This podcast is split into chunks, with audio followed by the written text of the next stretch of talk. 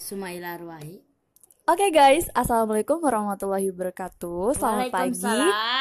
Salam kenal gue Dinda. Di sini gue Gue Raje. baru bikin podcast untuk pertama kalinya Nora. dan gue bikin pakai aplikasi Anchor dan Iya. itu benar-benar kayak so worth it itu guys. Oke, jadi di sini gak lama-lama gak banyak basa-basi. banyak bacot. Gue mau ngobrol-ngobrol sedikit sama adik gue yang bernama Kentung. dia emang gitu guys. Anaknya suka bercanda. Namanya Raja. Jadi di sini gue bakal ngambil topik yang lagi marak diperbincangkan saat ini. Perbinjang.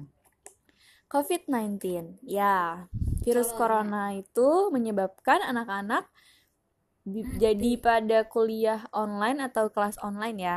Ya itu berdampak juga buat adik gue nih. Iya. nah gimana nih Raja tanggapannya Seru. atas kelas online? Seru. Kenapa tuh serunya Bisa cari Google. terus Udah. Ya, jadi sebenarnya ada enaknya atau enggaknya sih ya. Ada untung ruginya, ada baik buruknya, ada plus minusnya. Mati.